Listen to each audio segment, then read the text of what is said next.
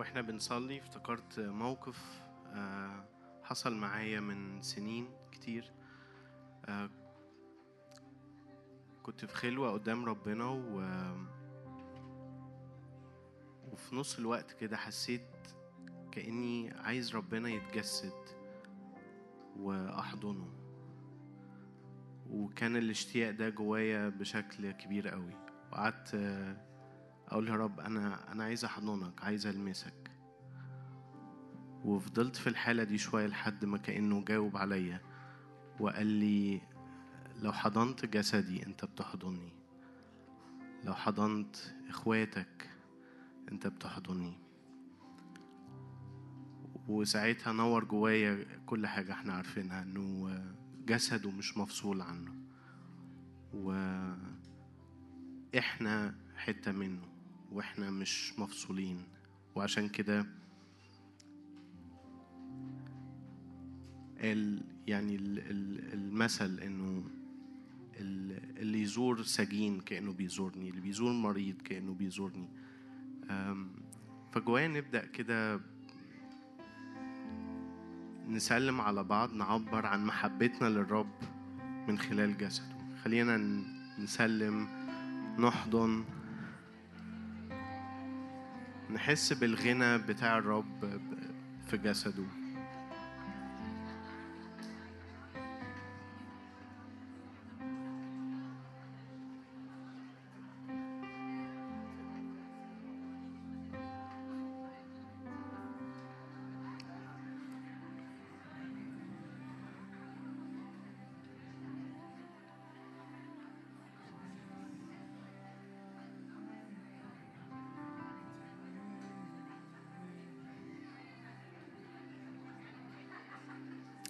رب أشكرك لأنك ملموس ومحسوس. أشكرك لأنك اتجسدت عشان تخلق كنيسة زي ما حواء خرجت من جنب آدم. من جنبك يا رب على الصليب خرجت الكنيسة مفدية ومغسولة بالدم. وقمت يا رب وأجلست عن يمين الآب. وخدتنا يا رب في في القيامة دي وفي الجلوس ده.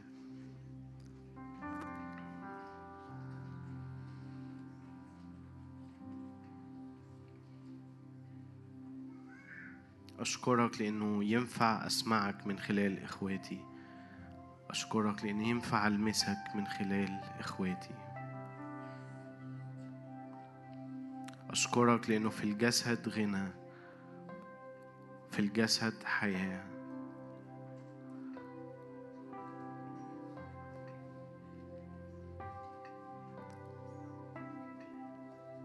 ندرك مع جميع القديسين ما هو غنى.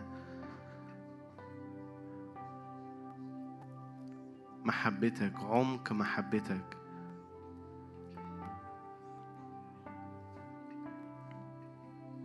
العرض العمق العلو لمحبة المسيح الفائقة المعرفة.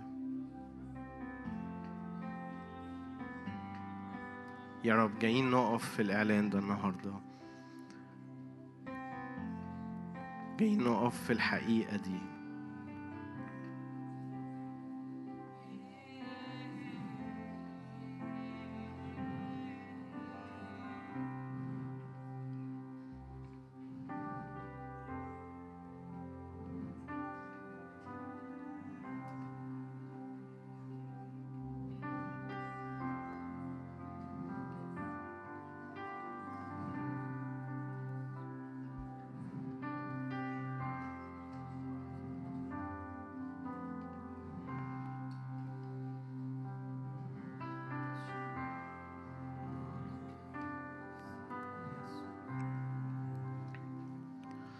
حينما أدنو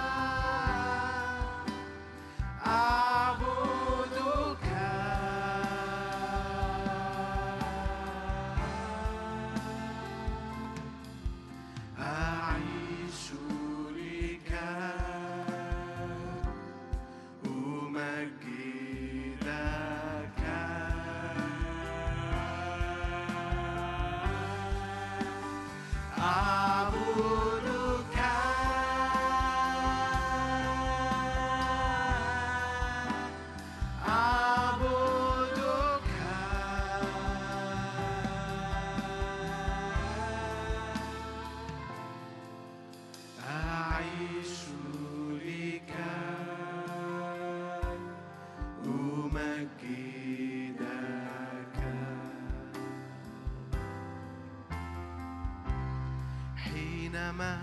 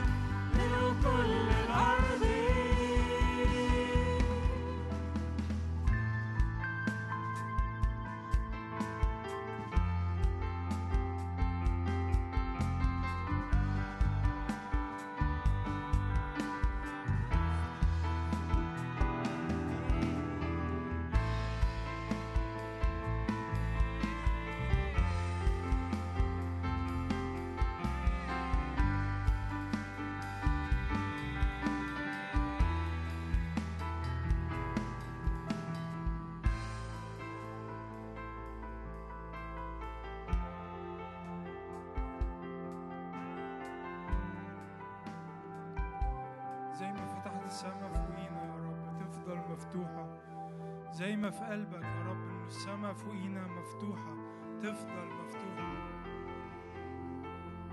زي ما في قلبك يا رب نفضل متواصلين معاك غير منفصلين عنك.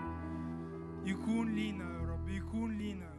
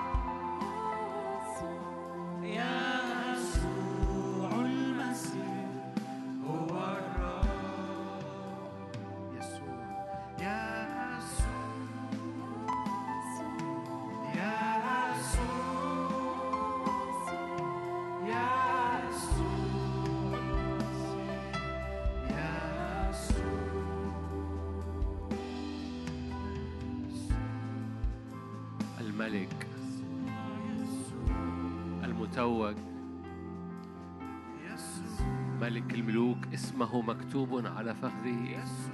ملك الملوك ورب الأرباب. تنحني كل ركبة. يخلعون تيجانهم في السماويات. لإعلان الملك.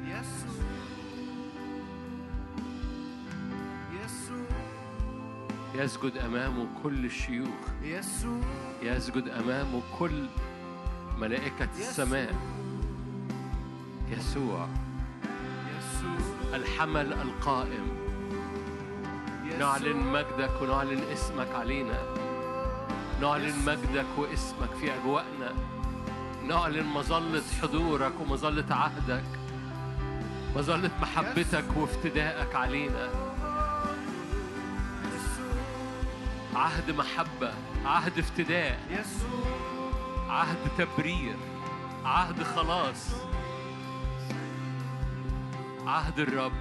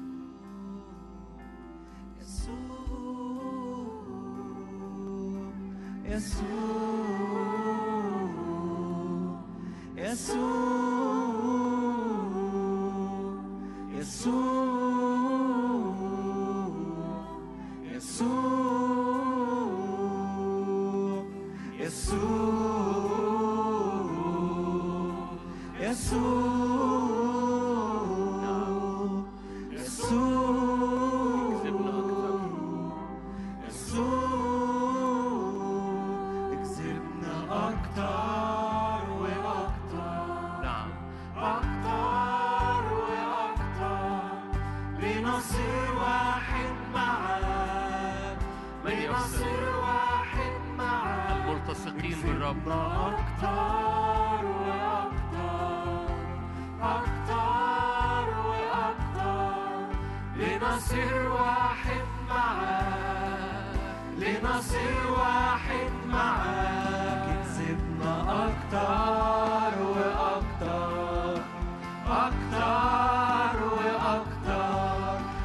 لنصير واحد معاك. لنصير واحد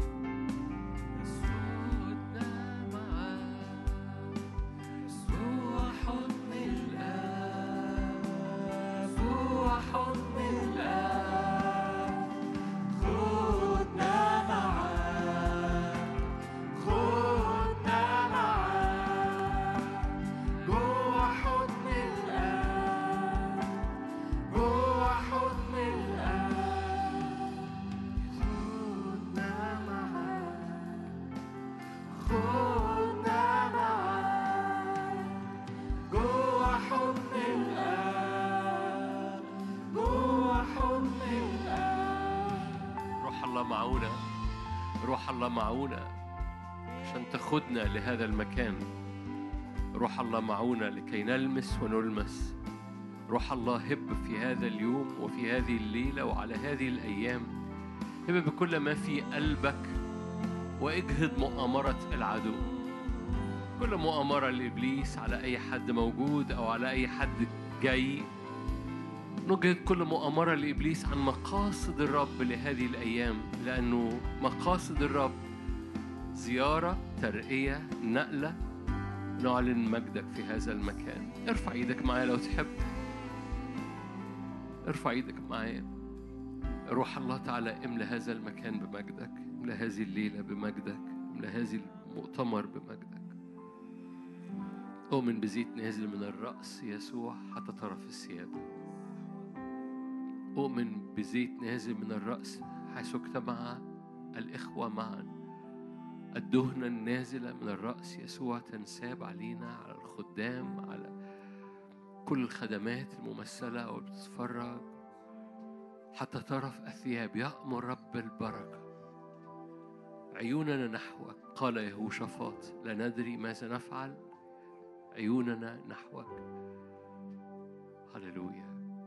أنت تملأ تملأ كل حي رضا. تملأ ليس بحسب الاحتياج لكن تملأ بحسب غناك في المجد.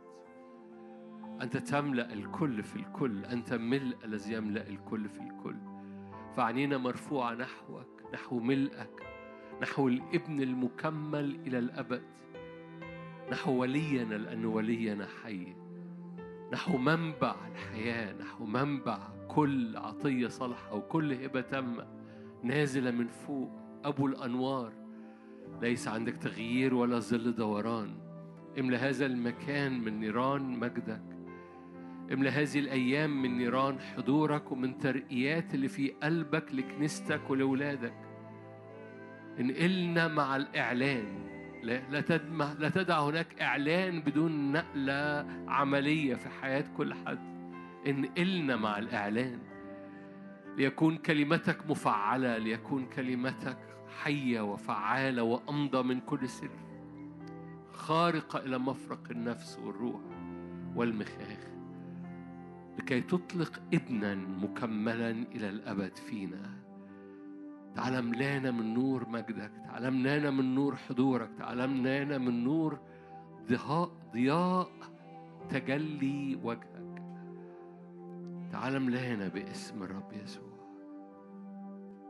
في اسم الرب. ضع يدك على هذه الأيام ضع يدك على هذا المكان ضع يدك على كل أمور وإداريات ضع يدك على كل تفصيلات وكل حركة للأشخاص ضع يدك على على مقاصدك لكل شخص موجود ومقاصدك لكل شخص جاي. ضع يدك بالنعمة بالبركة بالإطلاق وبالمسحة. اطلق أبطالك. اطلق أبطالك. هللويا. قال موسى لفرعون هذا ما يقوله الرب لك. اطلق الشعب ليعبدني. ونحن نقول للرب اطلق أبطالك يا رب. اطلق أبطالك في بلادنا وفي هذه المواسم وفي هذه الأزمنة. اطلق أبطالك في اسم الرب يسوع.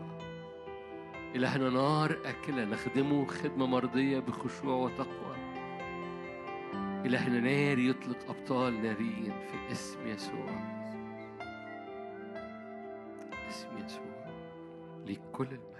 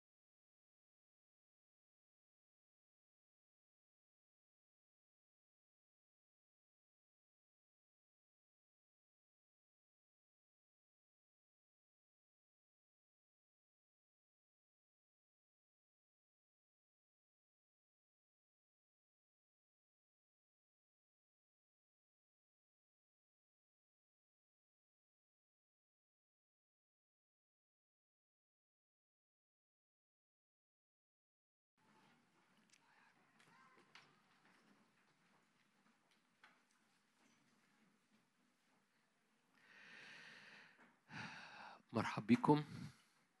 ازيكم؟ كويسين.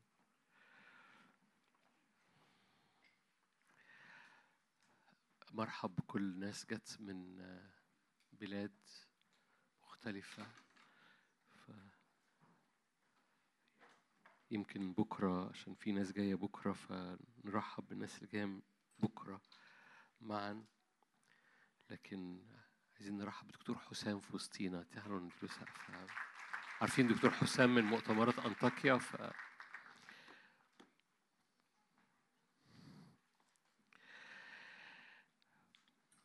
أشجعكم مشاركة بسيطة لأن الوقت اتأخر و...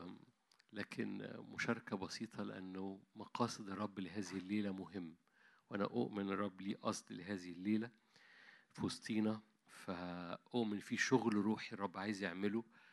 لأن دايما لما بنجتمع في المؤتمرات بصورة خاصة بنؤمن إن في ترقية بتحصل في حاجة بتحصل مش بس فينا أو الأهم مش بس فينا لكن بتحصل في السماويات فوقينا وعلى بلادنا. إيماني إن في أمور بتحصل مقاصد الرب إنه بيعمل بوابة ورا بوابة نقلة وراء نقلة على بلادنا. وعلى كنيسته في بلادنا وعلى كنيسته في المنطقة العربية من من موسم لموسم من بوابة إلى بوابة. البديل من الحركة لقدام هو الرجوع لورا. بحب أشبه الحياة الروحية زي العجلة. يا إما بتبدل فبتتحرك لقدام لكن ما ينفعش تقف لأن لو ما فيش حاجة اسمها وقوف ما فيش حد على العجلة واقف كده. يا إما بيقع يا إما بيتحرك لقدام. فالحركة بإيمان لقدام في الحياة الروحية مش مش اوبشن لذيذ لو تحب لكن الإيمان بيحركك لقدام طول الوقت. هذا الإيمان مربوط بالعطش. عطشك ونظرك للرب اللي بيقولك أنا بسدد هذا العطش بيطلق جواك إيمان فيحركك لقدام. غياب العطش بيطفي بيطفي الإيمان لأنه مفيش حاجة عطشان لها فمفيش إيمان. فالعطش بيطلق الإيمان والعطش والإيمان بيحركوك لقدام. أنتوا كويسين؟ أنتوا جايين من مشاوير طويلة ولا إيه؟ الخميس بالليل. ولأنه الحركة اللي قدام هو القصد الإلهي على حياة ولاد الرب فده ده ده يعني مش أنا حاسس أتحرك أو مش حاسس الكلام ده. قصة ما فيش الأوبشن نحس ده زي برضه مرة تاني على عجلة. معظمكم ركب عجل وهو صغير. على عجلة لازم تبدل. مفيش اوبشن وإلا العجلة بتقع. فلازم تتحرك لقدام. فده مش ده, ده, ده قرار وده اختيار مستمر لا يتوقف. إني أنا وراك عطشان يا رب. لأن دائما عند الرب أكتر وقصد الرب من خلال هذا العطش إنه يعمل ترقيات فينا وترقيات في ملكوته عشان ملكوته يتحرك لقدام طول الوقت. آمين؟ رب يصنع أمور في هذه الأزمنة على كنيسته من أجل إطلاقها بقوة مختلفة. واعرف إن حضرتك الفرد مهم جدا في أجواء الملكوت وقفته وإيمانه وصلواته مهمة جدا. أنت مهم على قلب الرب فوجودك وعبادتك وقلبك مهمين جدا على قلب الرب. آمين. دي مقدمة بس هذه الأيام تحت عنوان انتظار الخليقة. فتعالوا معايا نبص على رومية 8 رسالة رومية وإصحاح 8 هذه الآية المشهورة الموجودة اللي متاخد منها عنوان هذا المؤتمر وهنحكي عن أبعاد كتيرة فيها وخلال الأيام كلها. بس إيماني إن الرب عايز يعمل شغل مهم. حضرتك مش موجود بالصدفة النهاردة في شغل مهم الرب عايز يعمله.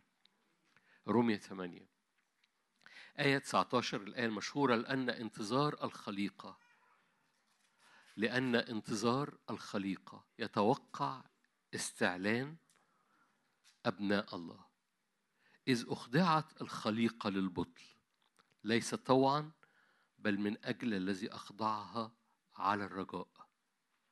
الخليقة نفسها أيضا ستعتق من عبودية اسمها عبودية الفساد إلى حاجة تانية المقابل حرية مجد أولاد الله. آية 19 وآية 21 بيحكوا عن مبادئ كثيرا والشراح و- وليهم حق الشراح بيحكوا يقولوا هذه الآيات بتت... بتتم تماما في النهاية ليهم حق. لكن هذه الآيات بتحكي عن مبادئ. الخليقة منتظرة حاجة. في حاجة في الخليقة اسمها عبودية الفساد. وهذه الخليقة في انتظار استعلان. بعض الشراح خليني أكون صادق معك 90% من الشراح بيقول لك هذه الآيات بيقول لك دي عن في الآخر. فبتاخد هذه الآيات في عارفين في شراح لزاز قوي أي آية حلوة يقول لك في الآخر؟ أي آية حلوة مش دلوقتي. ولو هم يعني مليانين إيمان يقول لك في الملك الألفي اللي بيؤمنوا بالملك الألفي. ف...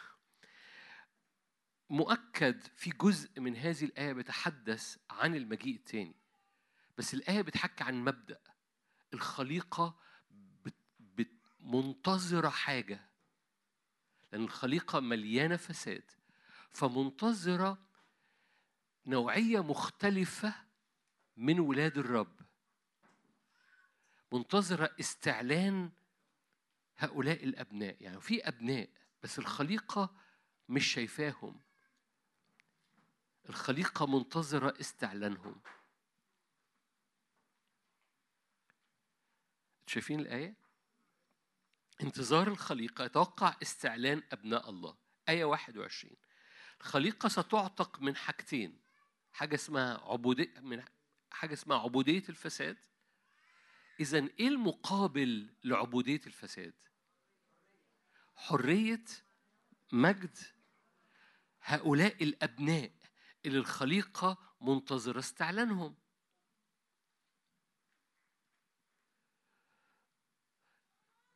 الرب عايز يودع ودائع جوه أولاده اسمها حرية مجد. فأولاده يستعلنوا لأن الخليقة منتظرة استعلان الأبناء. هناك نوعية مختلفة الرب عايز يطلقها مننا.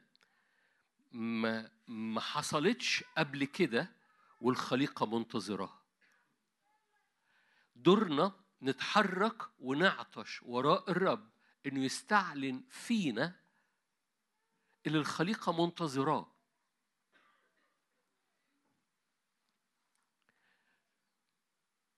تسعة عشر مرة كمان. انتظار الخليقة. الخليقة منتظرة إيه؟ استعلان أبناء الله. عطشنا هذا المؤتمر أو النقلة اللي الرب عايز ينقلنا ليها في هذا المؤتمر بالنعمة بنعطش من أجل اللي الخليقة منتظرة إنه يستعلن فينا. فبنتحرك قدام ربنا عشان يعمل فينا اللي الخليقة منتظراه. لأن هو هيعمل فينا ويعمل فينا ويعمل فينا وهمشي مع الشراح وأقول وفي, وفي النهاية الاستعلان بتاع أبناء الله هيبقى م- مية في المية. بس مش بيبتدي مش كده. ده إحنا بنتحرك ورا الشغل الإلهي اللي الرب عمال عايز يعمله. لأن الخليقة بتئن ونحن بنئن بتشفع. الخليقة بتئن بسبب الفساد ونحن بنئن بتشفع من أجل استعلان وتجلي يسوع فينا. مقاصد الرب إنه يزداد تجليه في ولاده وفي كنيسته لأن الخليقة بتئن في عبودية فساد ال- الدواء المصل العلاج بتاع عبودية الفساد هو استعلان حرية مجد أبناء.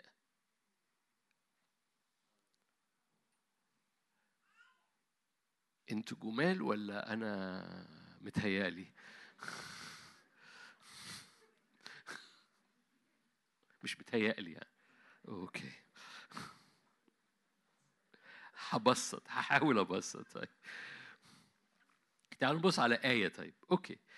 الآية دي هتجاوب على ال... على الوش اللي أنا شايفه. سفر الأمثال. آية مشهورة قوي آية مشهورة قوي وبرضه بتطلع مبدأ. أمثال 23 آية مشهورة قوي أمثال 23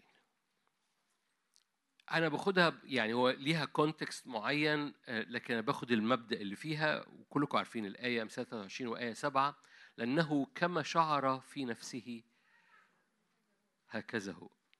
الآية مشهورة بس يمكن بننساها أو ما بناخدش بالنا من حبة حاجات فيها. زي ما بتشعر في داخلك هكذا أنت. حد هنا بيشعر؟ هل أنت تشعر؟ أوكي ماذا تشعر؟ لأنه كما تشعر هكذا أنت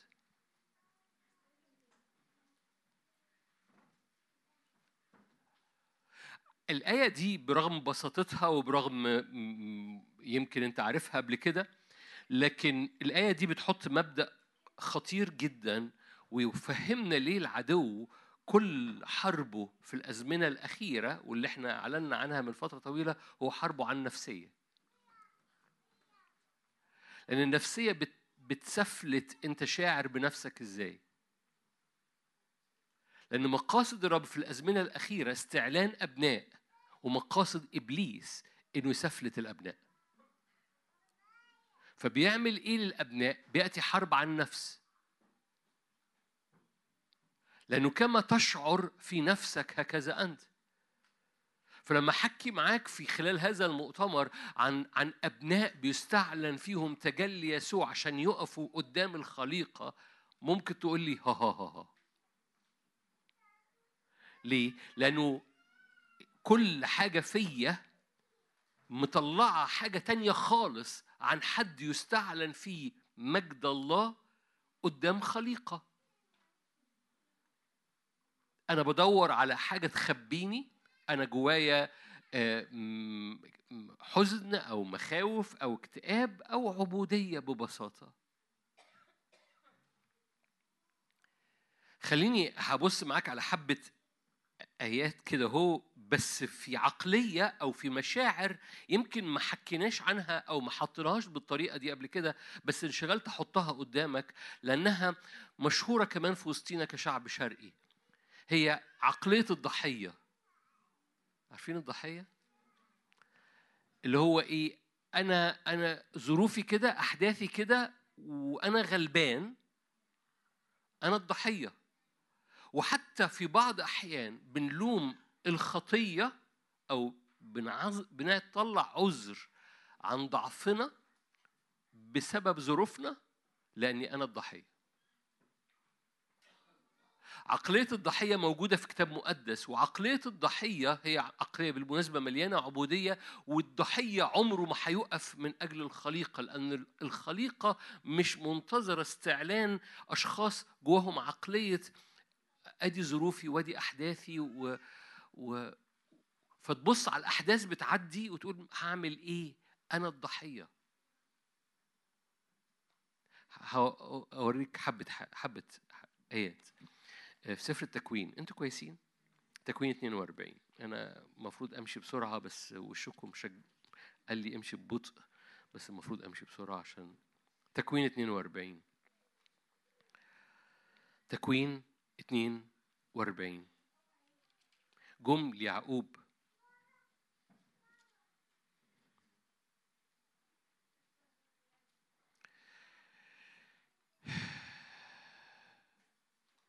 عشان يروحوا يجيبوا قمح من مصر. قال لهم يعقوب آية 36 أعدمتموني الأولاد. يوسف مفقود شمعون مفقود بنيامين النهارده جايين تاخدوه. صار كل هذا عليا. بصوا هذا التعبير هو الحالة اللي وصل لها يعقوب. هذا التعبير طلع جوه يعقوب إحساس إنه أنا الضحية. أخ... أعدمتموني الأولاد وجايين تاخدوا مني بنيامين. صار كل هذا عليا. كل ده على دماغي. تعرفوا حد بيقول الجملة دي؟ بطريقة أو بأخرى. تكوين 45 لما جم وقالوا له يوسف حي ما صدقهمش. قالوا أدي المركبات أدي العجلات بتاعت مصر أدي المركبات الفرعونية جاية عشان تاخدك. ما صدقهمش. لغاية لما رأى المركبات فانتعشت روحه. لو عايزني أقرأ لك الآية صعدوا من مصر آية 25 في تكوين 45 صعدوا من مصر جاءوا إلى أرض كنعان إلى يعقوب أبيهم وأخبروه قائلين يوسف حي بعد. هو متسلط على كل أرض مصر. حصل إيه لقلبه؟ لأنه لم يصدقهم فقعدوا يقنعوه فأبصر العجلات فعاشت روحه. عقلية الضحية بتبص على الأحداث وبترى كل حاجة سودة. حتى لما يحصل حاجة كويسة بيحصل جمود في القلب. فجمد قلبه ولم يصدقهم لغاية لما روه مركبات فرعون. يعقوب مثال إيجابي. انتهى بطرق بصورة إيجابية. هاخد قصة أخرى صورة سلبية عشان أوصل لك كما تشعر في نفسك. وبصورة خاصة مشاعر الضحية مشاعر إنه صار كل هذا علي. عشان كده جبت قصة يعقوب. كل ده على دماغي. كل ده كل دي مسؤوليات. وأول ما تترمي المسؤوليات أول ما تترمي المواجهات أول ما تترمي التحديات تشعر إنك أنت لوحدك عليك هذه التحديات. وأنا الضحية. وكما تشعر في نفسك هكذا أنت. فالعالم يعمل إيه؟ يقعد يرمي حاجات. تعرفوا حد بيترمي على حياته حاجات؟ قليلين الباقيين كلهم ملائكة طيارين في السماء فالعدو يقعد يرمي حاجات العالم يرمي حاجات لمجرد عشان في الآخر توصل صار كل هذا عليا. وعقلية الضحية آدي الأحداث ومش هقدر أعمل أي حاجة لأن هي دي الأحداث. الخليقة مش منتظرة أشخاص زي كده وهوريك الآن لأنه الخليقة بتدور على صوت معين يخرج منهم. وهقول لك إيه الصوت اللي بيخرج من الأولاد دول؟ هو ده اللي هنطلعه الليلة دي. عشان كده قلت لك أنت مش بالصدفة موجود الليلة دي لأن في صوت في شغل هنعمله مع بعض. لأن الخليقة مش منتظرة ناس بتقول صار كل هذا عليا برغم إن بيصير كل هذا علينا. برغم إن الأحداث حقيقية والأحداث واقعية والمواجهات حقيقية ورب ما بيقللش من الأحداث اللي بتمر بيها لكن الخليقة عمالة والعالم وإبليس عمال بيرمي علشان أبناء الله المفروض يستعلنوا قدام الخليقة يشعروا بالضحية ويقولوا صار كل هذا عليا. المثال السلبي الآخر هو مثال موجود في ملوك الأول بس ده مثال سلبي بقى هو أخاب الملك. فاكرين لما أخاب نابوت الإسرائيلي قال له مش هديك الكرم؟ عارفين عمل إيه؟ في ملوك الأول 21 حطها قدامك بس كده. ملوك الأول 21 حط معاك قدامك آية أربعة. دخل أخاب بيته مكتئبا مغموما من أجل الكلام الذي كلمه به. كان عايز حاجة وما حصلتش. تعرفوا حد كان عايز حاجة وما حصلتش؟ تعرفوا حد كان جواه توقعات وأحبطت؟ قدامك حاجة من اتنين يا إما تعيش عقلية الضحية أنا كان جوايا توقعات وحد قال لي لأ أو العالم قال لي لأ أو الظروف ما, ما, ما, ما عدتنيش. فقدامي يبقى رد فعلي أخابي اللي هي عقلية الضحية دخل مغموما مكتئبا واضطجع على سريره حط وشه في الحيطة ولم يأكل خبز. كما شعر في نفسه هكذا هو. والعالم عمال بيرمي والحرب عن النفس عمالة بترمي عشان تطلع هذا الإحساس بال ال ال مش أنا مختار كلمة الضحية عن قصد. يعني لأن ممكن تعبيرات أخرى تمشي بس أنا مش عايز مش عايز أخلطهم ببعض. وعقلية إنه كان جوايا توقعات كان جوايا أحداث في مواجهة هنا في مواجهة هنا مواجهة هنا ومش عارف أعمل إيه مش ملحق على ولا حاجة من دول وبيطلع استنزاف في الآخر وإحساس أنا غلبان صار كل هذا عليا وأقوم منسحب. ومقاصد الرب في هذه الأزمنة مش انسحاب الأبناء بل استعلان الأبناء. عشان كده إبليس عمال بيرمي عمال بيرمي عمال بيرمي عشان يوصل حضرتك وحضرتك للمسكنة اللي اتعودنا عليها أو للشفقة اللي اتعودنا عليها شفقة على النفس اللي اتعودنا عليها. بس في الزمن اللي جاي ده خطر. خطر صار كل هذا عليا خطر نسيب نفسي في حالة الانسحاب الداخلي لأن الخليقة مش ده زمن هي منتظرة استعلانهم مش منتظرة انسحابهم.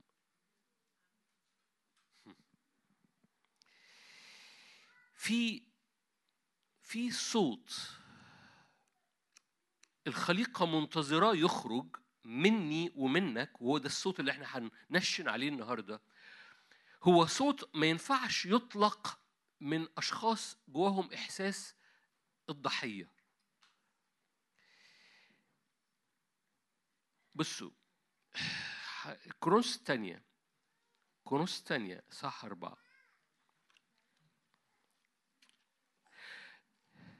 لغة الأبناء لما يصير كل هذا عليهم هي لغة لغة خاصة. يعني لو أنا بمر على حياتي زي ما حصل مع يعقوب أو أنا كان جوايا توقعات وأحبطت فيها إزاي ما أعملش يعقوب وإزاي ما بقاش أخابي؟ في لغة أو في اختيار بتختاره والليلة دي نختاره مع بعض. هذا الاختيار هو كلمة بتحارب بيها وتقف بيها. هي لغة بتخرج من قلبك. في مواقف مثل هذه اسمها افتداء. لما يصير كل هذا بنيامين الت... ب... خدتوا شمعون وخدتوا يهوذا والآن جايين تاخدوا بنيامين في ال- الخليقة منتظرة صوت يخرج من أبناء. العبيد دايما جواهم إحساس الضحية. الابن عنده لغة أخرى اسمها افتداء. العبد ما بيفكرش بطريقة الافتداء ليه؟ عارفين يعني إيه افتداء؟ هقول لكم حالا يعني إيه افتداء بس العبد ليه ما بيفكرش افتداء؟ مش أول حاجة تخطر في دماغه افتدي الموقف ده.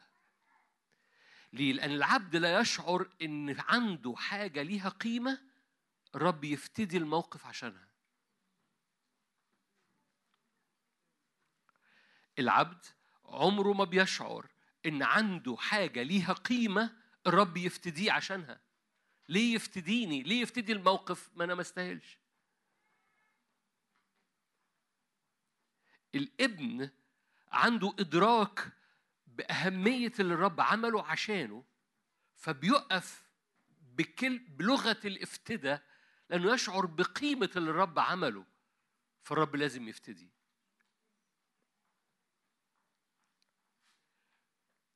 قيمتنا للرب عمله لينا.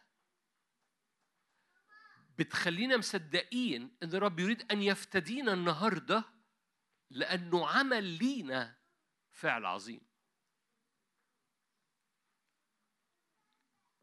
أوكي. أنتوا أنتوا أنتوا مؤكد جمال. رمية خمسة. ما كنتش رايح هناك.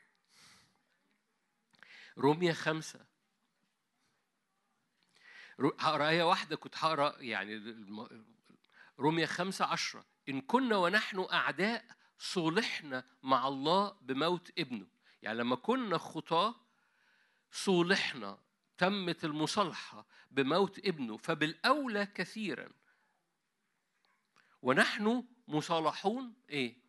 نخلص بحياته. الابن مدرك إيه؟ الرب دفع ثمن غالي جدا ليا. فالنهاردة أنا مؤمن بقيمة اللي الرب عمله ليا فأنا بحارب افتدى من أجل اللي هو اتدفع ليا. أنا واثق في افتدائه هاخد قصة يعقوب. بنيامين يهوذا وشمعون. أنا واثق بالافتداء. صار مش كل هذا عليا. أنا ابن بقول افتدى لأنك أنت دفعت فيا ثمن والثمن اللي أنت دفعته ليه قيمة فمش هيتساب.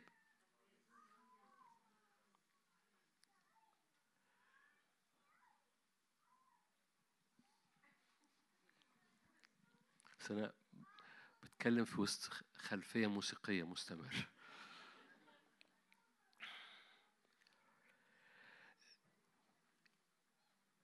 العبد ما بيفكرش إن في قيمة في حياته الرب يفتديه عشانها أو يفتدي الموقف عشانها. الابن عنده لغة افتدى لأنه مدرك إن في قيمة على حياته إذا الرب سيفتدي الموقف. أنا أنا أنا ببطأ عشان حريص لأن دي نقطة مهمة قوي كل موقف هيترمي على حياتك. عندك إمكانية يا إما تعيش بعقلية الضحية يا إما تعلن افتدى للموقف. يعني إيه افتدى للموقف؟ يعني ما يحدث في هذا الموقف الرب يقوم متدخل بالروح القدس ويقطع الطريق في الموقف ويفتدي ويقف حائط ضد كل شر ويحول كل حاجة لامتداد الملكوت في الموقف. والرب والخليقة منتظرة أبناء وده شغل النهاردة بكرة هيبقى في شغل تاني وبعده شغل تاني شغل النهاردة الخليقة مش منتظرة أبناء بعقلية الضحية. بيقولوا سارة كل هذا علينا نعمل إيه؟ لأن هؤلاء الأبناء مش أبناء هؤلاء الأبناء منسحبين بسبب الأحمال. حرية مجد أولاد الله ملهاش دعوة خالص بعقلية الضحية.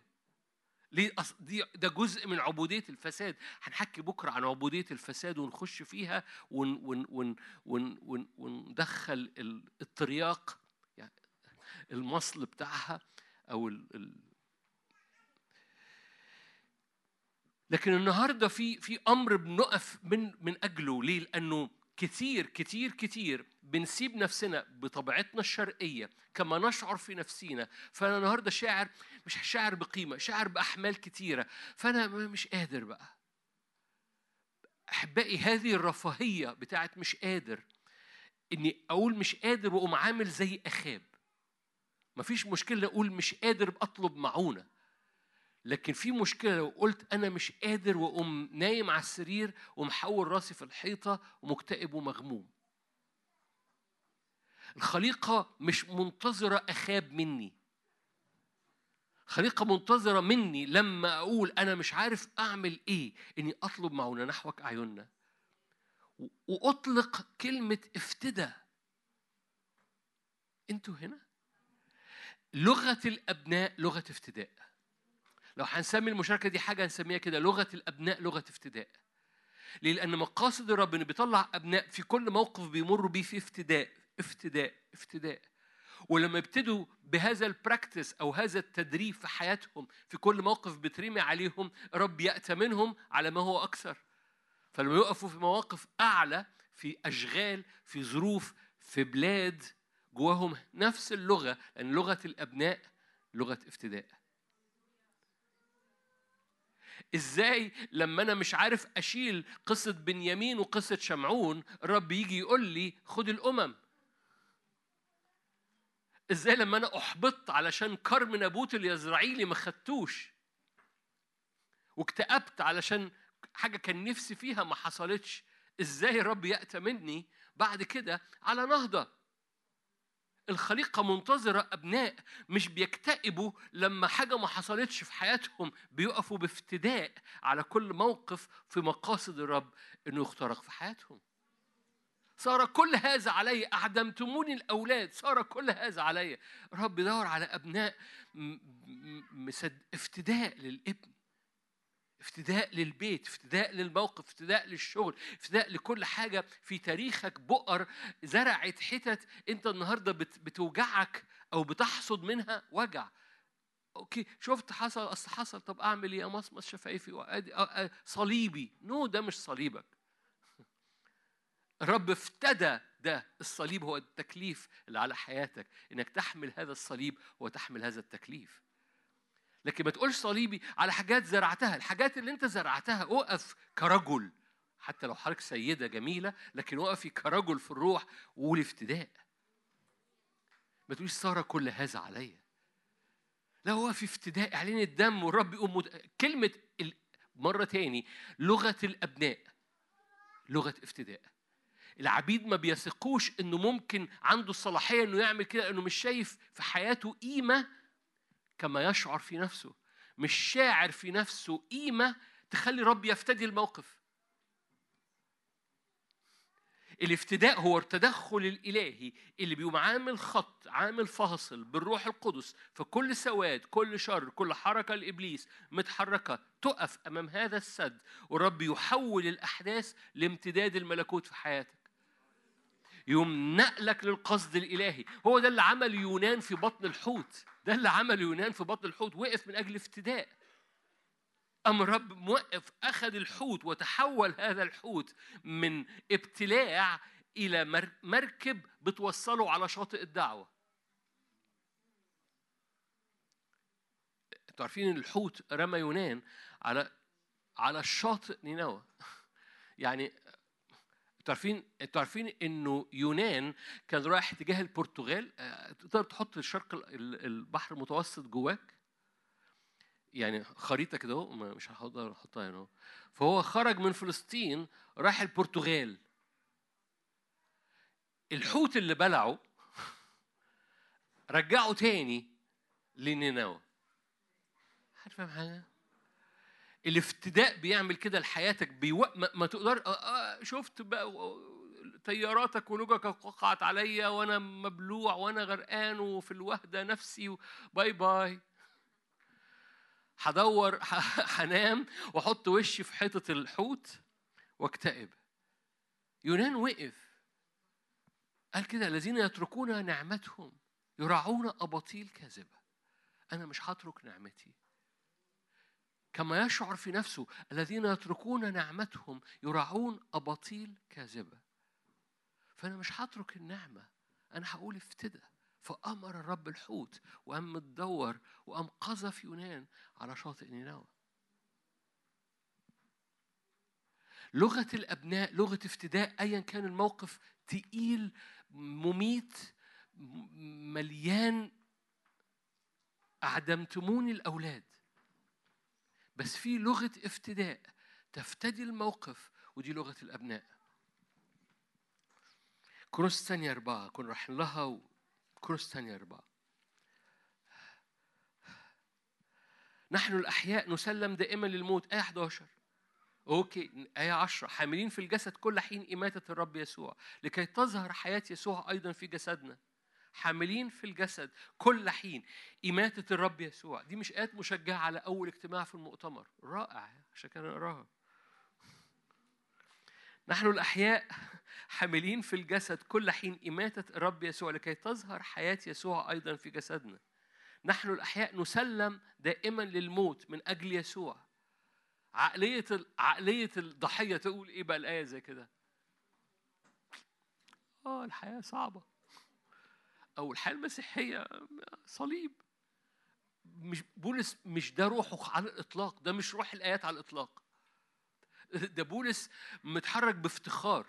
هتبص معايا خالص هتبص معايا الآيات جاية إزاي. بس خلي بالك لو بعقليتنا الشرقية حاملين في الجسد كل حين إماتة الرب يسوع. كلنا معا؟ نحن الأحياء نسلم دائما للموت. ها. هنزحلقها. كمل كمل الآية كمل. كمل الآية عشان أنسى اللي أنا قريته دلوقتي. خلي بالك skip آه. خلي بالك هو هو بيتكلم عن عن في الآية فيها layers كتير. أنا ببتدي من ال layer ال- ال- التحتاني خالص. لما العدو يرمي علينا آه، آه، صور ومخاوف وحاجات في النفسية وأنا مش فاهم أنا مكتئب ليه. ده أنا بحط بحط الحتة دي تحت الآية دي برغم الآية دي بتتكلم على layers أعلى كمان. نحن الأحياء نسلم دائما للموت من أجل يسوع لأنه هو بيتكلم عن حاجة من أجل الخدمة. لكي تظهر حياة يسوع أيضا في جسدنا المائت. كمل. إذا الموت يعمل فينا. فنكتئب أو نعيش الضحية. نو no. لكن الحياة فيكم. إذ لنا روح الإيمان عينه حسب المكتوب. أمنت لذلك إيه؟ آية مشهورة. أمنت لذلك إيه؟ فالأبناء عندهم لغة. لأن عندهم لغة افتداء. وهم مؤمنين بيها بيتكلموها. أمنت إزاي تكلمت؟ برغم إيه؟ برغم إنه سلم للموت كل يوم حاملين في الجسد كل حين إماتة يسوع. بولس بيقوم ناقل بيقول لك إحنا حاملين في الجسد إماتة يسوع كل يوم من أجل المسيح حاملين الصليب كل يوم. لكن أمنت لذلك؟ تكلمت. نحن أيضا نؤمن ولذلك نتكلم. عالمين أن الذي أقام الرب يسوع يقيمنا نحن أيضا بيسوع ويحضرنا معكم. جميع الأشياء هي من أجلكم. آية 16 لذلك لا نفشل. إنساننا الخارج يفنى الداخل يتجدد يوما فيوما بصوا أنا هقلب معاكم حبة قصص. سفر العدد. هدي حبة قصص ونصلي مع بعض. سفر العدد. صح 25 سفر العدد 25 قبل صح 25 برافو حد قلب العام. ربنا يخليكي ليا يا رب. قبل 25 أنا كنت هضحك أقول 24 بس أنا كنت عايز الإجابة الصح دي. بلعام محاولات من العدو إنه يلعن الشعب من كل جهة. بلاق فاكرين؟ جاب بلعام دي قصة مشهورة قوي واعمل مذابح هنا بص كده العنه من هنا ما عرفش يلعنه قال له طب تعالى من الناحية الثانية جايز تلاقي ثغرة ما عرفش يلعنه تعالى من الناحية الثالثه تلاقي ثغرة ليه العدو بيحاول يدور على ثغرة شكاية يرمي بيها فاكرين؟ لم يرى اثما ولا رأى تعبا. okay. ف ده من 23 24 هناك حصار من محاولات عيافة وعرافة على شعب الرب لكن كلها فشلت لأن الرب في وسطه. okay. فعلاج الشرير إيه؟ خليه نخور من جوه خليه الشعب يقع من جوه. مش عارفين نحاربه من بره.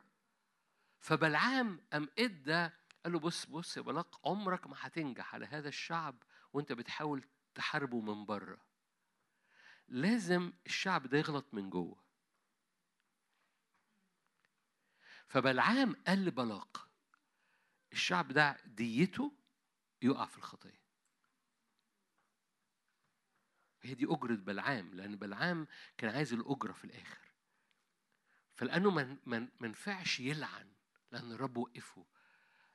قام عمل بلقمته؟ قام قال لبلاق بص من بره الشعب ده مش هعرف تضربه. القصة إن الشعب ده يزني. ففي أول 25 ذنوا مع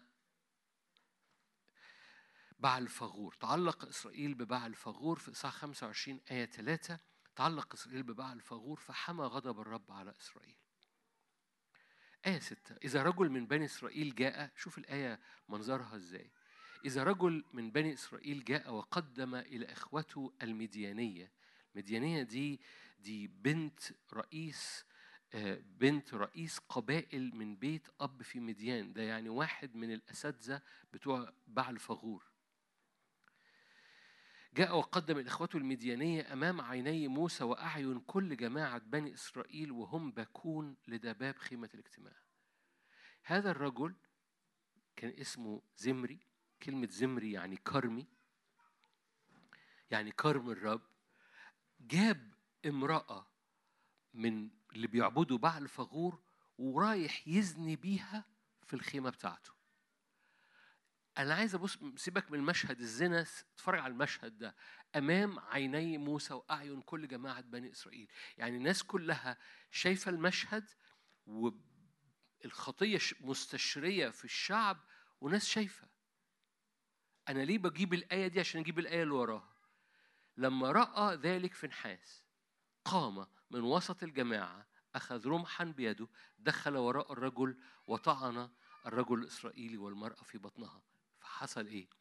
فامتنع الوباء عن بني إسرائيل الذين ماتوا بالوباء 24 ألف. نفسي تشوف المشهد مشهد قوي شوية. حالة عامة أم واحد وقف. خليني أقولها في الكونتكست اللي إحنا بنحكي فيه. حالة عامة والكل بيمصمص شفايفه. والكل بيقول هنعمل إيه؟ مش مكتوب إن حد قال هنعمل إيه بس كل الجماعة شايفة المشهد كل الجماعة وما كانش ده المشهد الوحيد ده كل الشعب كان بيزني في حاجة وأربعين أربعة وعشرين ألف واحد مات بالوباء والكل عارف إن أربعة وعشرين ألف ماتوا دول بسبب الوباء. ففي حالة عامة و... زي ما يكون صمت أبناء الله صامتون بس طلع فنحاس عارفين فنحاس فنحاس ده رجل النهضة اللي بعد كده ده فنحاس لما كانوا كانوا يتزنقوا في قداسة يجيبوا فنحاس لما اتهزموا ثلاث مرات قبل كده في حربهم مع بنيامين قالوا طب نادوا فنحاس ليه؟ لأن فنحاس ده ده غيرة الرب، فنحاس ده ده ده ده قداسة الرب، ده قلب الرب، فطلع فنحاس لما رأى فنحاس هذا المشهد قام من وسط الجماعة. يعني الباقيين عاملين إيه؟ قاعدين. حاجة؟ حد فاهم أنا رايح فين؟ في ال- الخليقة منتظرة فنحاس. بيتك منتظر فنحاس فيك. أنت منتظر فنحاس جواك منتظر فنحاس يقوم ليه لأنه مش مقاصد الرب إنك تكون في حالة انسحاب بسبب إحساسك بالضحية طب هنعمل إيه و24 ألف بيموتوا وبعل فغور شغال. بس في واحد قام الخليقة منتظرة فنحاس وبعد كده ترى كلكم عارفين بقى فنحاس ده م- م- مش كده؟ عارفين فنحاس فنحاس ده كل ما شعب الرب يدور على القداسه ينادوا فنحاس ليه؟ لأن هو ده بقى ال- المثال أو بيحمل هذه المسحة أو بيحمل هذا النعمة من عرش النعمة إنه يقف لما محدش يقف ويقوم قاطع الوباء يفتدي الوباء. فدخل وقام قطع اللي بيحصل ده فامتنع الوباء. ربنا بيدور على على الخليقة بتدور. وربنا بيدور على شعب يقف ويقطع الوباء. ومش بتكلم على كوفيد. ربنا بيدور لأن الخليقة منتظرة أبناء مثل فنحاس. بي- بيخشوا في الموقف وعندهم لغة عندهم صوت عندهم إيمان وبيحطوا السيف بتاعهم في الموقف فيمتنع اللي بيحصل. ليه؟ لأنه جواهم لغة بتقول افتدى جواهم رجولة في الموقف مش بيمصمصوا شفايفهم ولا أعني حاجة أقل للذكور وإناث. الرجولة يعني دي للذكر وللأنثى رجولة روحية. الخليقة منتظرة هذه الرجولة اللي بتقف في الموقف وتحط الرمح بتاعها. وده الشغل اللي انت محتاج تعمله النهارده ومحتاجين نعمله النهارده لأنه الانسحاب بسبب الضحية ونعمل إيه؟ ده اتجاه بيستمر فينا وإحنا مش واخدين بالنا. وبيبتدي جوانا لأن إحنا محتاجين في نحاس يقوم فينا. وبيتك محتاج في نحاس يقوم فيك. وخدمتك محتاجة في نحاس يقوم فيك. والبلد. هنديك مثال تاني برضو من سفر العدد لأن سفر العدد فيه هذه القصص جميلة. سفر العدد صح 16 قصة مشهورة قوي تذمر كل جماعة بني إسرائيل على موسى وهارون. قائلين أنتما قتلتما شعب الرب. جاء موسى وهارون إلى قدام خيمة الاجتماع. هو ده لما تأتي أمور مرمية عليك ده كل الشعب جم عايزين يرجموا موسى وهارون. طب نعمل إيه؟ صار كل هذا عليا؟ نو no. روح قدام خيمة الاجتماع. انصرف إلى خيمة الاجتماع وقد غطاها السحاب وتراءى مجد الرب. آية 43 فجاء موسى وهارون إلى قدام خيمة الاجتماع فكلم الرب موسى قائلا اطلعا من وسط هذه الجماعة أنا أفنيهم بلحظة. لو أنا موسى أحمدك يا رب. صار كل هذا عليا وهتخلصني منه؟ هتفهم حاجة؟ فاكرين في مرة قال لهم أنا خلفتهم ونسيتهم؟ دول مش أنت أنت اللي خرجتهم من أرض مصر. ففي الموقف ده رب قال له بص اطلع وسع كده عشان أنا آخد راحتي هفنيهم لك. هللويا! المشكلة هتتحل الآن. وأنا قدام رب رافع إيدي وبصلي مش جاي هتحل الآن. كلكم عارفين القصة؟ طبعا موسى قال له نو واي فخر على وجههما قال موسى لهارون خلي بالك مش مكتوب إن الرب اللي قال. الرب قال وس خد جنب هفني لك الشعب. موسى وهارون قاموا سجدوا قدام الرب. ثم قال موسى لهارون خذ المجمرة اجعل فيها نار من على المذبح ضع بخور اذهب بها مسرعا إلى الجماعة وكفر عنهم لأن السخط قد خرج من قبل الرب قد ابتدأ الوباء.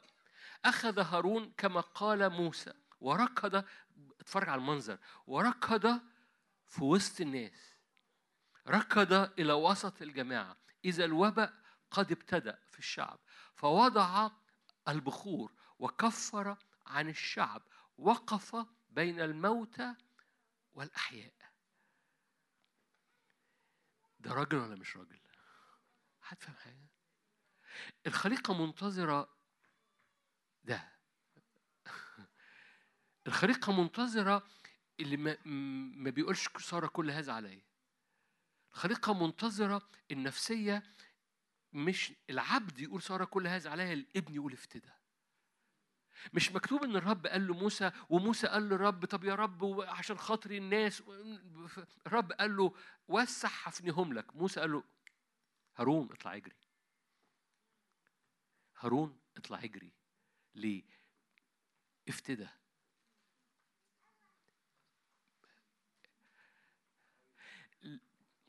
مش هنعرف نعملها للأمم. لو ما عملناهاش في ظروفنا ما عملناهاش في بيوتنا ما عملناهاش في كنايسنا مش هنعرف نعملها للأمم. النهارده هنعملها على مستوى ضيق لأن إحنا رايحين في المؤتمر ده لمستوى الأمم. بس الخليقة منتظرة رجالة ما بيقولوش سارة كل هذا عليا ويقوموا نايمين في السرير وباصين في الحيطة. الخليقة منتظرة أبناء بيطلعوا يجروا في وسط الجماعة. افتدى ويكفروا عن الإثم اللي بيحصل. كل موقف سلبي كل موقف تقيل كل موقف إيد العدو دايسة عليه والأن بقاله سنين طويلة زي ما يكون أنت تعايشت مع الأمر أو تكيفت مع الدنيا وهو ده اللي حاصل. زي ما الشعب كله واقف بيتفرج على 24 ألف بيموتوا ببعل إثم فاغور بإثم بعل فاغور كل موقف مثل هذا اتساب لفترات طويلة. الليلة دي قوم في نحاس جواك الذي فقام فينحاس من وسط الجماعة وأم stop هنا. زي ما يكون في زي ما يكون في ناس محتاجة زي بتحط الرمح بتاعها في في, في الأرض كده اهو ما, ما تعديش العدو ما يعديش anymore ما ما ما فامتنع الوباء. وبحط بحب الصورتين جنب بعض. هنا هارون طالع بيجري في وسط الناس وعمال بيكفر في, في, في زي ما يكون كأني شايفها دايرة وحد عمال بيجري في النص وهو بيجري بيرسم خط والخط ده بيفصل ما بين وباء ولا وباء. ليه؟ لأن موسى قال لهارون اطلع اجري. اطلع اجري. اطلع اجري بافتداء. ومن الرب يعدنا. مش محتاج أقول لكم بقى طلبت من بينهم رجلا. حطها على الشاشة قدامك حسقيال حسقيال 22 عشان الوقت. حسقيال 22 حطها قدامك بس على الشاشة. آية مشهورة جدا. طلبت من بينهم رجل 22 30 طلبت من بينهم رجلا يبني جدارا واقف الثغر أمامي عن الأرض لأني مش عايز أخربها. لكي لا أخربها. فلم أجد. رب دور على على رجل. طبعا لقاه في المسيح يسوع. والرب بيدور علينا لأن الخليقة منتظرة أبناء من هذا النوع خليقة منتظرة كل فنحاس فينا كل هارون وموسى فينا اللي ما بيسيبش الدنيا متسابة لأني مش عارف أعمل إيه خليقة منتظرة أمثال أنا همشي بسرعة عشان أمثال اللي في زكريا ثلاثة يهوشع الكاهن فاكرين؟ يهوشع الكاهن قال له كده أنت والرجال الذين معك لأنه يهوشع في زكريا ثلاثة لابس ثياب قذرة. ممكن يشفق على نفسه ويعيش في نفسيته ويعيش أنا ده أنا أنا ما استحقش أعمل عشان الأمم وأنت جبت المؤتمر أنا جاي المؤتمر عشاني وأنت جاي بتقول هنصلي من أجل الأمم كده أنا فصلتني. أنا يهوشع كان لابس ثياب قذرة في أول زكريا ثلاثة. بس بيقف قدام الرب ورب ينزع عنه ثياب القذرة وبيلبسه عمامة مقدسة عمامة طاهرة قدس للرب. بدي مسالك قدام الرب آية 8 فاسمع يا يهوشع الكاهن العظيم. زكريا 3 8 أنت ورفقائك الجالسون أمامك لأنهم رجال آية. دول دول دول كانوا لابسين ثياب قذرة بس دول رجال آية. يعني رجال برغم بساطتهم برغم غياب قوتهم الظاهرة لكن في حاجة رب يودعها جواهم. زي ما رب يودع جواك حاجة صوت مختلف. ها أنا ذا آتي بعبدي الغصن نبوة عن الرب يسوع. هو ذا الحجر الذي وضعته قدام يهوشع. على حجر واحد سبع أعين. هنحكي عن ده بكرة بالليل. مش السبع أعين هنحكي عن عن عن حاجة. ها أنا ناقش نقش هذا الحجر يقول رب جنود. أذيل إثم تلك الأرض في يوم واحد. أحبائي هذا الإصحاح إصحاح ثلاثة وأربعة بالنسبة لي إصحاحات ذهبية. اللي بيعجبني في إصحاح ثلاثة ده حاجة جميلة. بادي بيهوشع لابس ثياب قذرة بينتهي بالرب يزيل إثم تلك الأرض في يوم واحد. بس الرب في الوسط لقى راجل ولا ولا أعني ذكر أعني جماعة من ذكور وإناث بس رجالة رجال آية. مش بيمصمصوا شفايفهم مش أخابيين. مش أخابيين المكتئبين اللي حاطين راسهم في الحيطة باصين ونايمين على السرير. لكن هم هم زي فنحاس هم زي موسى وهارون اللي بيجري افتدى افتدى لغة الأبناء افتدى كأن اللي جوايا شعب مش بس حضراتكم لكن في ناس كتيرة بتتفرج ببساطة. ناس كل ما ترى حاجة كل ما يقع عليها حلم كل ما ترى خبر كل ما تسمع خبر كل ما يحصل موقف في البيت كل ما يحصل حاجة جواهم باكتئاب هم ماشيين بي بي بيحطوا الرمح يقولوا افتدى هنا فيمتنع الوباء افتدى هنا فيمتنع الوباء. وكل موقف بيمر بيه بيعلنوا هذا الفدا بيكفروا عن أمور من أجل افتدى الرب عايز يعمله. خليني خليني أختم بآية ونصلي لأنه رب يعمل فاصل ما بينك وما بين كل حاجات سلبية أنت جيت بيها. رب يعمل فاصل ما بينك وما بين كل حاجات أنت قلقان إنها تحصل في حياتك. رب يعمل فاصل لبيتك وفاصل لأزمنتك لو أنت لغتك لغة افتدى الفدا بيعمل فاصل ما بينك وبين كل أمور سلبية عشان كل الأمور تتحول لامتداد الملكوت في حياتك. ليكن لغة الافتدى لغة الإيمان خارجة منك. أمنت لذلك تكلمت. أنا بختار آيات مشجعة في صفانيا ثلاثة علشان إيه بس إيه لما بتتملي بلغة الافتدى الآيات دي هتحصل في حياتك. آية 15 زكريا سوري أنا صفانيا مش أنا ما صفانيا صفانيا 3 15 لما بتتملي بلغة الافتداء أنا بجرجر رجليك بس. صفانيا إحنا لسه في زكريا. هيحصل. أنا مستني عشان هم يشوفوا. الزفانية بالزد ولاد خالة مع زكريا زد وزد. آه بس. ثلاثة 15 لما تتملي بلغة الافتداء يقول لك كده قد نزع الرب إيه؟ كل كل قضاء ليه حق يحصل في حياتك ينزع الرب القضاء. قد نزع الرب لا اسمعوا اسمعوا اسمعوا هقرأ لكم الآيات. دي لما الأبناء يتحركوا بلغة الافتداء قد نزع الرب الأقضية عليك أزال عدوك. ملك إسرائيل الرب في وسطك. لا تنظرين بعد شرا. في ذلك اليوم يقال لك لا تخافي. يا بنتي لا ترتخي يداك. الرب إلهك في وسطك جبار يخلص. يبتهج بك فرحا. يسكت من كتر عمق محبته. يبتهج بك بترنم. يجمع المحزونين على موسم كانوا منك حاملين عليها العار. ها أنا ذا في ذلك اليوم أعامل كل مذليكي اللي كانوا بيذلوكي رب يتعامل معاهم. أخلص الضالعة. أجمع المنفية.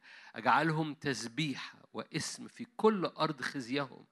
في الوقت الذي فيه آتي بكم وفي وقت جمعي إياكم. أصيركم اسما وتسبيحة في شعوب الأرض كلها حين أرد مسبييكم قدام أعينكم. قال الرب.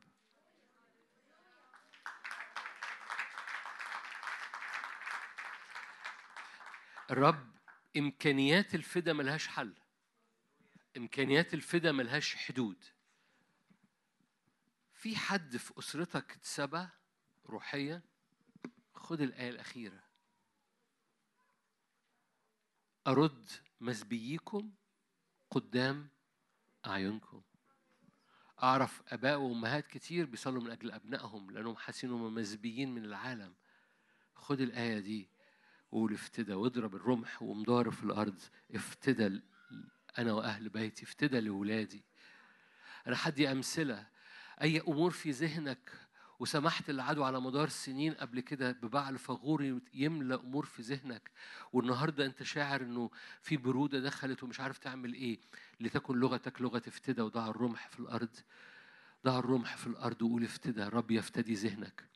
رب يفتدي مواريث قرارات انت خدتها سلبية في يوم من الأيام لأنك ما كنتش مركز روحيا. وتقول لي مش عارف أعمل إيه خلاص أنا هستسلم للوضع مفيش حاجة هقدر أعملها أنا خدت القرار ده وأنا سلبي روحيا مش عارف أعمل إيه. وقف بالرمح واضرب في الأرض وقول افتدى. لتكن لغتك لغة افتدى. الأبناء لغتهم.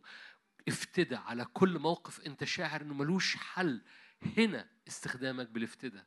والرب يريدك إنه كل أمورك حتى اللي أنت بتحاول تحلها بدماغك أنت. في في زي ما يكون بعضكم محتاج يكتب لستة كده بأمور محتاج أطلق عليها افتداء. يا رب افتدي دي وافتدي دي وافتدي دي واطلع كفنحاس وخلي الرمح يخش في وسط الموضوع ده. اضرب الرمح بالموضوع. فيمتنع الوباء في كل موضوع أنت بتقول عليه افتدى أمين. الخليقة منتظرة أبناء مثل هذا. أخاب مش هعرف يعمل حاجة في الم- في الموضوع ده. ليه؟ لأن أخاب بيستخبى في في السرير. ويعقوب بيقول سارة كل هذا عليا وما بيصدقش. لكن الخليقة منتظرة استعلان أبناء جواهم لغة. واللغة دي لغة إيمان. أمنت لذلك إيه؟ تكلمت. فرد الرب مسبيين قدام عينينا. وينزع الرب الأقضية. ويجعلك حصاد حصاد حصاد. في حياتك وأيامك ويوقف كل حصاد سلبي لأن في لغة افتدى شغالة في أولاد الرب. خلونا نصلي مع بعض.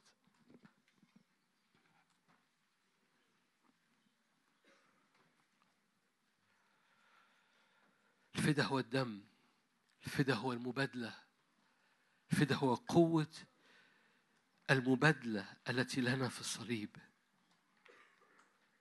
الفدا هو العهد اللي بيغطينا. الفدا هو قوة حرق صوابع إبليس فلا يستمر العدو شغال بسمه في أرضك أو في أرض حياتك خدمتك ولادك. الفدا هو قوة دم بتفتدي هنحكي بكرة إزاي بت بتوقف سم الفساد. لكن النهارده واقفين من أجل السم بتاع كل فكرة سلبية كل مشاعر سلبية. كل موقف سلبي. الخليقة منتظرة استعلان أبناء. أبناء ناضجين. أبناء مش جواهم مشاعر الضحية. أبناء مش عبيد. مدركين إن الرب مستعد يفتدي. بس منتظر إيمان مننا. العبيد ما بيصدقوش إن في حاجة تستاهل الفدا في حياتهم. الأبناء جواهم إيمان.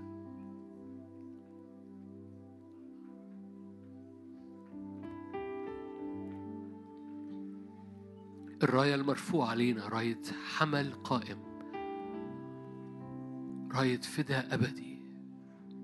راية دم بيطهر بيحرق بيقدس. صوابع إبليس ليس لها أن تقف أمام دم الحمل. هللويا. أرد مسبييكم قدام أعينكم. إيه قد نزع الرب الأقضية. ما يعرضه الرب ليك بسبب الفدا عظيم لأن الفدا ثمنه غالي جدا. ما يعرضه الرب لحياتك عظيم. جاء الوقت إنك تصدق جاء الوقت إنك تقول يا رب مش عايز نقطة دم تبقى هدر في حياتي لأنك أنت افتدتني كان بالحري الآن أخلص وأنا ونحن أبناء نخلص من الغضب. أنا رافع راية الفدا رافع راية حمل قائم. مذبوح حي هو الآن مع مفاتيح الموت والهاوية أنا رافع راية الحمل. هللويا. ارفع إيدك. قاعد واقف. ارفع إيدك. الفدا بيغطيك. الفدا هو السقف بتاعك. الفدا هو هو المظلة بتاعتك. الفدا بدون السقف ده انت عريان. ف, لو انت مش السقف ده مش حاصل استخبى تحت السقف ده اجري على الفدا. لو لو لو انت شخص لسه ما استخباش بالفدا اعلن كده يا رب أنا بستخبى تحت هذه المظلة. فدائك هو دمك هو حياتك هو انك اشتريتني انك نشلتني من طين الحمقى من ملكوت الضلمة إلى ملكوت محبة موجودة في ابنك. فأنا بعلن فدائك على حياتي. الفدا هو حياتنا اللي بتستمر مش بس لما بنكون بعاد لكن لما نكون أبناء جوه البيت برضه هو الفدا فلغة الأبناء فداء لغة الأبناء فداء. لا شفقة على النفس لا أحاسيس الضحية لا مشاعر الضحية. أصل الظروف كده أصل الاقتصاد كده. باسم يسوع. أبناء محبوبين باسم يسوع. نعلن افتدائك نعلن مظلة فدائك علينا. في اسم يسوع. هللويا.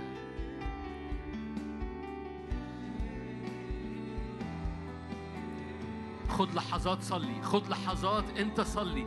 غطي كل حاجة. غطي بصورة عامة في اللحظات دي. في الوقت ده خد لحظات كده غطي بصورة عامة حياتك بيتك خدمتك. هنصلي حاجات خاصة بعد دقايق اهتزت الأرض انفتح القبر حبه الشديد لا ينهزم. أين شوكتك؟ يا الموت. قد غلب الحمام. اهتزت الأرض. انفتح القبر. حبه الشديد يا ينهزم أين شوكتك؟ يا قوة الموت.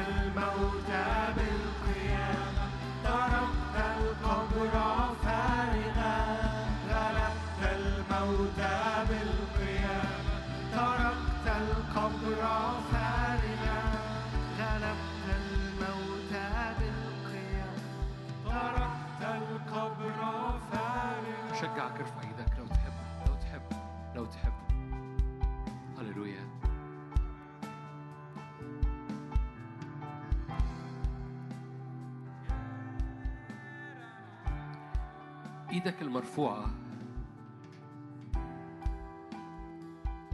فيها رمح تقدر تضعه في مواقف محددة. فنحاس أخذ رمح في يده وأكيد كان رفعه لكي يضعه في وسط الأرض اللي فيها اسم بعل فغور فامتنع الوباء في مواقف أنت محتاج تضع فيها هذا الرمح اللي في إيدك.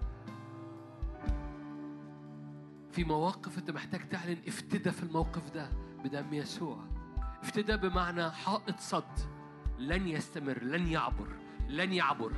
لن يعبر لن يعبر في بقية تاريخك. انت بتعلن افتدى مش هتتفرج على أحداث معدية مكملة وانت مش عارف تعمل لها إيه. في حاجة في رمح بيتحط في أرض موقف معينة بدم يسوع بفدى الرب يسوع. ولا يعبر العدو لا يعبر الشر لا يعبر الإثم لا يعبر الضعف لا يعبر المسكنة لا تعبر أمور في ذهنك أو في حياتك أو في بيتك. تضع هذا الرمح في اسم الرب يسوع. وتقول افتدى في الموقف ده. لا أدري ماذا أفعل لكن بقول افتدى. أنا بطلع لغة افتدى في الموقف ده. افتدي بدمك. افتدي بدمك. افتدي بروح القضاء والاحراق فلا يستمر أمور. مش همصمص شفايفي واقول صار كل هذا عليا افتدى باسم الرب يسوع. افتدى على الخوف. افتدى على البيوت. افتدى على الأبناء. افتدى على النفسيات افتدى على الأشغال افتدى على على الحالة النفسية في العلاقات افتدى. اطلب الافتدى لتكن لغتك لغة إيمان. عمال يرمي رمح الفدى يقول ابليس لن تستمر في العلاقات. إبليس لن تستمر في الملكوت. لن تستمر في الأجواء. لن تستمر في بيتي. أنا بضع الرمح مش هتفرج على بعل فغور شغال والناس عمالة بتموت. أنا بضع الرمح في الأرض. باسم يسوع خد رمحك وضعه في الأرض. وقول لإبليس قضاء وإحراق قضاء وإحراق بروح الرب. رب يقوم في نحاس جواك. غيرة بيت الرب تاكلك هللويا. غيرة في نحاس يا غيرة يسوع. غار غيرة الرب. يسوع غار غيرة الرب في الهيكل. باسم الرب يسوع. باسم رب فوجه سهامك لأمور محددة. ضع رمحك في وسط أمور محددة. وقول افتدى. تقول لي مش عارف أصلي إيه. أقول لك قول افتدى بس. لغة الأبناء افتدى. افتدى افتدى. افتدى في الموقف ده. افتدى في الشر ده. افتدى في الهزيمة دي. افتدى في الأحداث دي. دمك يفتدي دمك يفتدي التاريخ الأسري دمك يفتدي التاريخ السلبي اللي حصل في العلاقات. افتدى باسم رب يسوع. شعبها أبرار يرثون الأرض. صلي صلوات محددة. يرثون ضعفين يبتهجون بالرب. افتدي افتدي افتدي. شعبها فدى دمك فدى حياتك. يرثون الأرض يرثون ضعفين يبتهجون بالرب. مدينة الله مدينة قوية. أسوارها خلاص أبوابها تسبيح.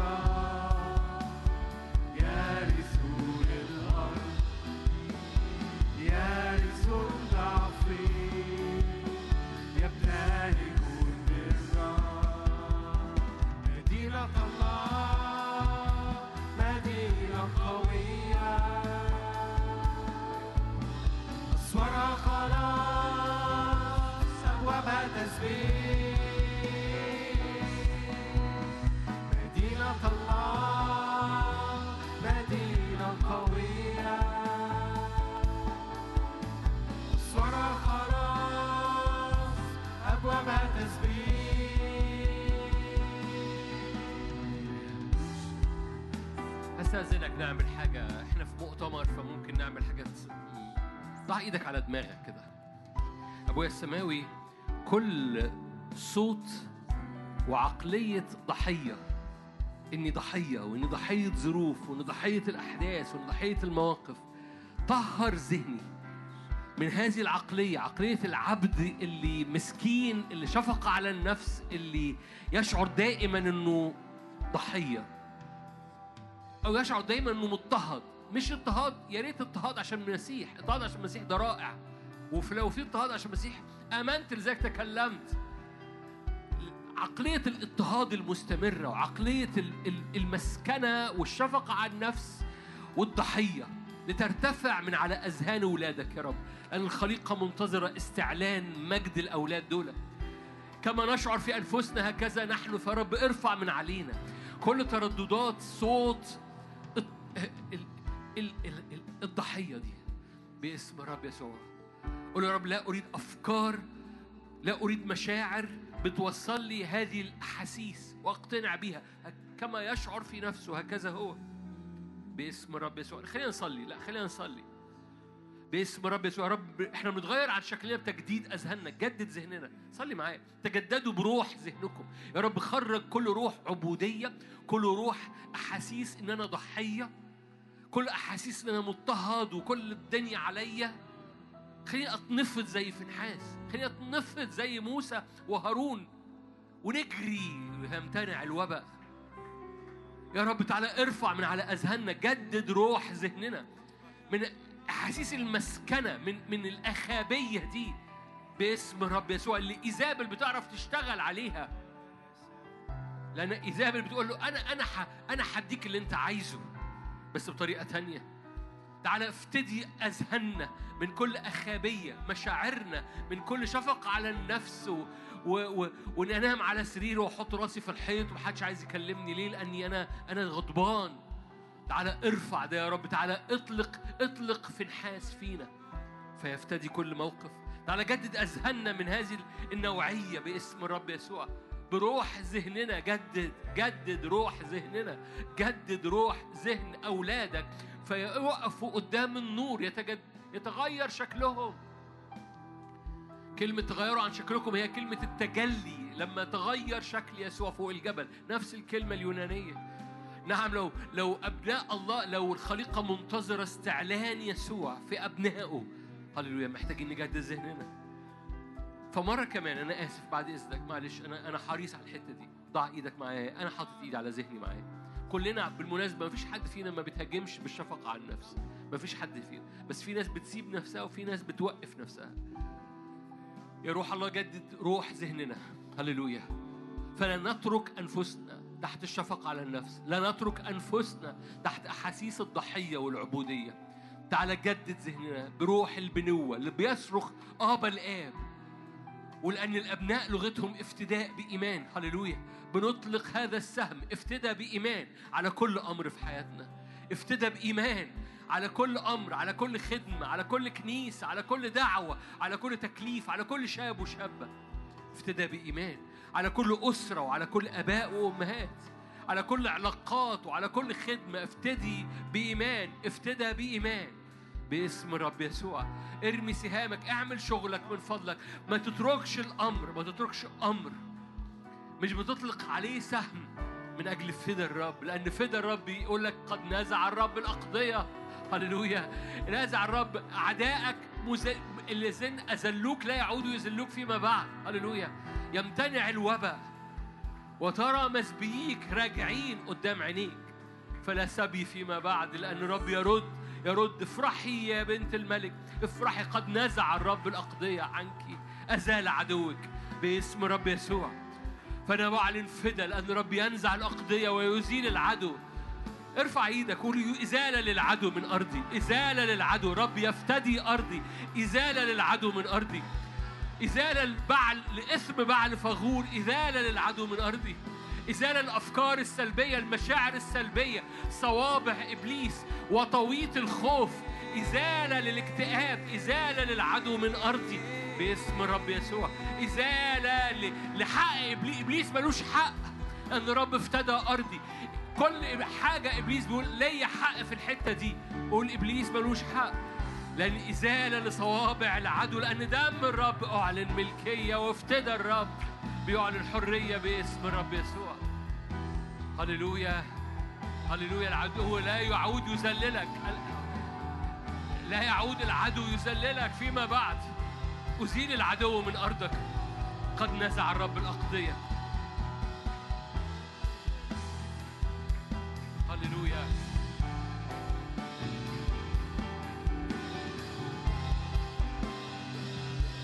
أزال عدوك. هو ذا الرب بقوة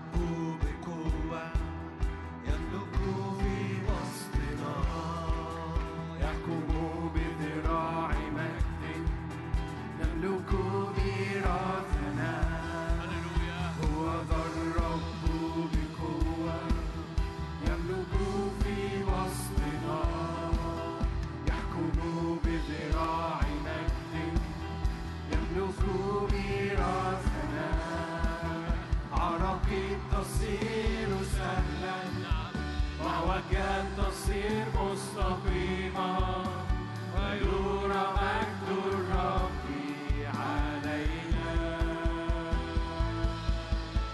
عراقيب تصير سهلا وعوجات تصير مستقيمة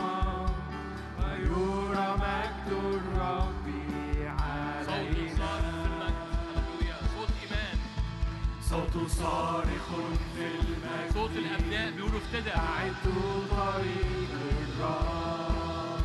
كل جبل في القفر ينحني لصوت الرب. صوت صارخ. صوت صارخ في المجد. أعدوا طريق الرب. كل جبل في القفر ينحني لصوت الرب العرق تصير سهلا. معك تصير مستقيمة ويرى مجد الرب علينا. عرقي تصير سهلا. معك تصير مستقيمة ويرى مجد الرب علينا.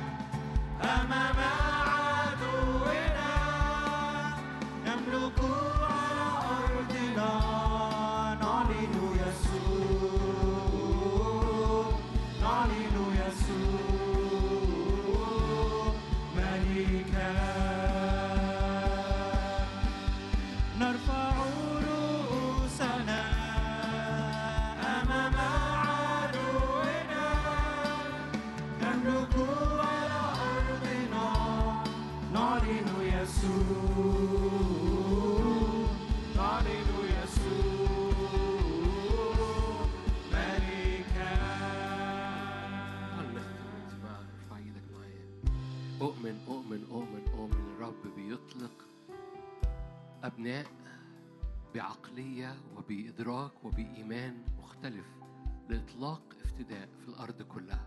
بيجروا وسط الأرض مش وسط جماعة بس وسط الأرض. مثلما جرى هارون في وسط الجماعة وكفر عن الشعب فامتنع الوباء. أؤمن برجال يبنون جدارا عن الأرض. أؤمن برجال يعلنوا افتداء جدار افتداء عن الأرض. يقفوا في الثغرة عن الأرض. لأن الرب لا يريد أن يخربها. في اسم الرب يسوع. باسم الرب يسوع. باسم الرب يسوع. دكتور حسام تحب تختم لنا؟ اللي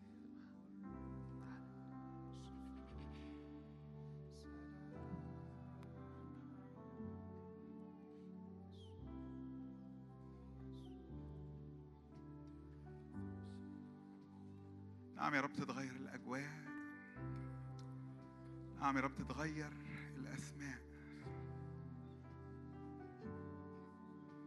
لا تعد تسمينا عبيدا. أبناء أحباء. يا رب كل ولادك تلاميذك خدامك. لا نحتسب لشيء. ولا نفسي ثمينة عندي. حتى أتمم بفرح سعي والخدمة التي أخذتها من الرب يسوع. أشهد ببشارة نعمة الله.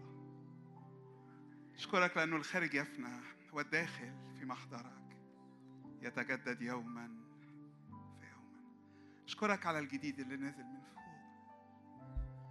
أشكرك على الخمر الجديدة التي تحفظ في الزقاق. أباركك يا رب على كل حد في إخواتي. أباركك على النعمة. أباركك على الإيد التقيلة. أباركك على سحابة مجدك اللي بتغطي.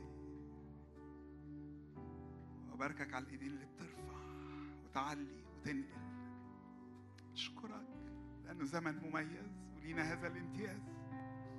إحنا نكون عايشين النهارده واقفين أمامك. باركك قوي أشكرك على كلمة الافتداء اللي طلعت النهارده.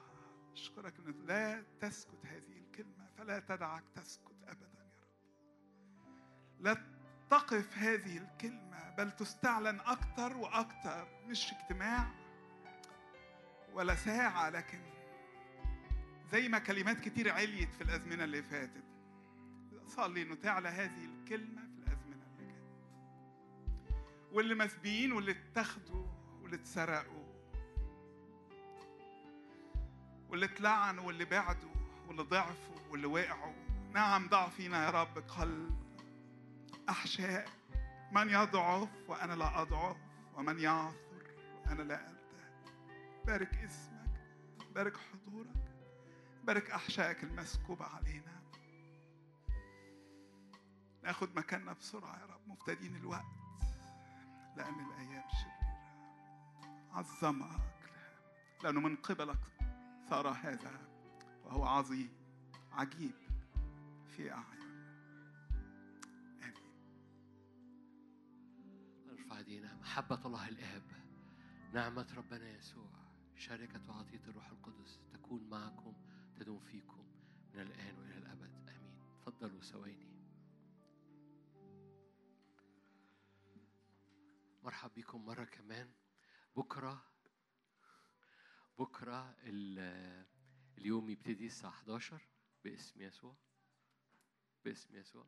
11 تسبيح. هنبتدي وعندنا اجتماعين اجتماع طويل الصبحية واجتماع بالليل. الوضع اليد بكرة بالليل للي موجودين عشان كلنا بنيجي والناس اللي جاية من بره جاية بكرة وكده. فبكرة بالليل هنخلص بدري. يعني الجمعة هنخلص بدري والسبت هنخلص بدري. أمين؟ فاللي عندهم قطارات واللي عندهم طيارات واللي عندهم أي سفريات بنخلص كل يوم بوضع اليد بدري عشان يلحقوا أي حاجة. أمين؟ أي إداريات مع سوسو نعمة. الفطار. الف- الفطار من 9 ل 10 آه. سوري يعني الإداريات